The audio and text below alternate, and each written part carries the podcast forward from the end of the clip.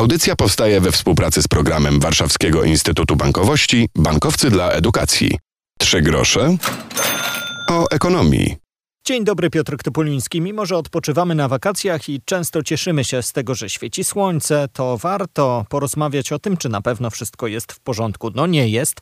Katastrofa klimatyczna to fakt. O niej rozmawiali na Uniwersytecie Warszawskim eksperci podczas forum Together. Ważnym aspektem był smog i walka ze smogiem. O nim za moment. Anna Dworakowska to współzałożycielka Polskiego Alarmu Smogowego. Smog jest szkodliwy dla każdego. Problemem w naszym kraju nadal są stare urządzenia, kopciuchy i w tej kwestii jest jeszcze wiele do zrobienia. Te najnowsze dane z Centralnej Ewidencji Emisyjności Budynków mówią, że w Polsce wciąż dymi ponad 2 miliony tego typu kotłów, czyli kotłów, które emitują bardzo dużo pyłów, bardzo dużo rakotwórczego benzoapirenu kłęby dymu szarego, czarnego, brązowego, żółtego, różnych kolorów. Emisja z domów, ze spalania węgla i drewna odpowiadają za 78% emisji tego pyłu PM2,5. Więc jeśli chcemy uporać się ze smogiem w Polsce, to jest absolutnie warunek konieczny, zlikwidowanie emisji ze spalania węgla i drewna w polskich domach. Dlatego tak ważny jest wspominany tutaj wcześniej program Czyste Powietrze. On został uruchomiony 5 lat temu. W ramach tego programu złożono do tej pory ponad pół miliona wniosków właśnie o dotacje na wymianę ogrzewania. I dużo i mało, bo z jednej strony pół miliona no to już jest całkiem sporo, ale jeśli weźmiemy pod uwagę, że wciąż zostało dwa miliony kopciuchów, to nie jest to tak bardzo dużo i na pewno to tempo wykorzystania programu musi wzrosnąć. My cieszymy się na tą reformę, która wydarzyła się w styczniu, dzięki której dotacje wzrosły dwukrotnie i dzięki której reformie też program oferuje obecnie dotacje na termomodernizację, na ograniczanie zużycia energii. I widzimy, że program też jest coraz bardziej popularny wśród ludzi, bo w tym momencie tygodniowo do programu spływa około 4 tysiące, 5 tysięcy wniosków. Ale jeżeli chcemy w ciągu najbliższych pięciu lat wymienić 2 miliony kopciuchów, które wciąż zatruwają nasze powietrze, no to tych wniosków musi być 7-8 tysięcy. Stoimy wciąż przed potrzebą reformowania tego programu i potrzebą zaangażowania w jego wdrażanie o wiele większej ilości podmiotów. Musi być szeroka akcja informacyjna. Gminy muszą się bardziej zaangażować w docieranie do mieszkańców z informacją o programie. Tak samo powiaty i regiony. Żeby pomóc ludziom ubogim, należy zaangażować też ośrodki pomocy społecznej. No i przede wszystkim uproszczenie procedur w programie, szczególnie jeśli chodzi o rozliczanie.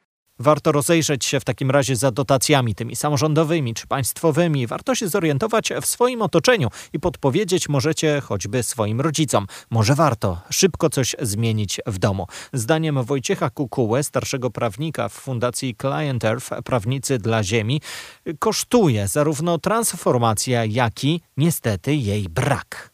To wynika uzależnienia naszego od paliw kopalnych, głównie węgla, no a trzeba też pamiętać system ETS, zarówno ETS 1, jak i ETS 2, który wejdzie od 2026 roku. Tutaj zyski trafiają do budżetu państwa, no i też my te pieniądze marnujemy. Część zysków. Część, tak, ale no, my tutaj stosujemy kreatywną księgowość od wielu lat. Te środki nie są znaczone, nie idą na ochronę klimatu, a tak powinno być. Mamy problem z zaraportowaniem gdzieś równowartości w ogóle połowy kwoty, która trafia do budżetu państwa, czyli to jest łącznie w poprzednim roku to było ponad 23 miliardy złotych, czyli kilkanaście miliardów złotych i my szukamy w różnych kieszeniach, w tym na przykład aukcje OZ. Mamy inwestycje finansowane po prostu z kieszeni odbiorców, z rachunków za energię elektryczną, to my to też raportujemy, że z tych wpływów z tytułu ETS, że finansujemy zielone inwestycje na gruncie dyrektywy. Także no tutaj jest szereg problemów, no i w kontekście hipokryzji klimatycznej ja też po prostu uważam, że Polska mogłaby i powinna zdecydowanie robić więcej, też dlatego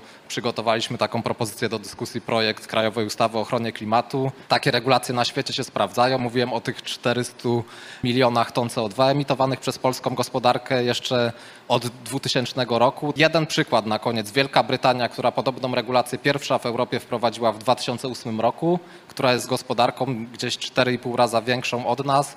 W 2008 roku kiedy ten akt wszedł w życie, emitowała przeszło 600 milionów ton CO2, a dzisiaj 400, tyle co my. A gospodarka jest znacznie większa, także my musimy po prostu podążać tą drogą. No i tu myślę, nie ma alternatywy w postaci trwania przy węglu. Nieco z innej beczki pod koniec maja w Polsce weszły w życie przepisy unijnej dyrektywy Single Use Plastics, mającej na celu ograniczenie używania plastikowych jednorazówek w sklepach i restauracjach. Co więcej, zgodnie z nowymi przepisami plastikowe, choćby patyczki do uszu czy styropianowe opakowania na wynos, mają być wycofywane z rynku. Inne jednorazowe wyroby z tworzyw sztucznych mają być oznakowane, a przedsiębiorcy będą musieli ponosić koszty związane związane z wprowadzaniem ich do obrotu.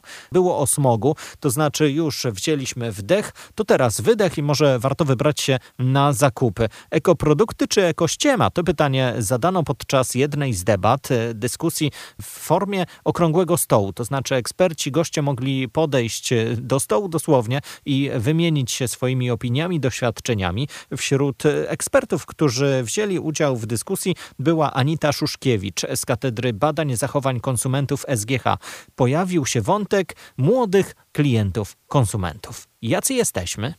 To, co jest zauważalne, to oni są bardziej otwarci na takie innowacyjne metody zaspokajania potrzeb. Tak. Innowacyjne podejście, polegające też właśnie na sharingu, na użytkowaniu bez posiadania, które są nowymi trendami, a które gdzieś tam też komponent ekologiczny niewątpliwie w sobie mają. No i tutaj może troszeczkę takim włożeniem kijem w mrowisko będzie wątek dotyczący dekonsumpcji, którym ja się zajmuję naukowo, która jest postulowana już przez dość sporą liczbę badaczy jako wręcz wymóg do tego, aby te cele rozwojowe, cele zrównoważonego rozwoju były zrealizowane, czyli nie tylko rozmowy na temat ekologiczności produktów, ale gdzieś tam też zmniejszenia ilości konsumowanych produktów. No i tutaj jakby takim naturalnym podejrzewam głosem będzie, że ale jak to? Przecież dążymy do tego, żeby ludziom żyło się lepiej, na lepszym poziomie życia, lepsza stopa życiowa.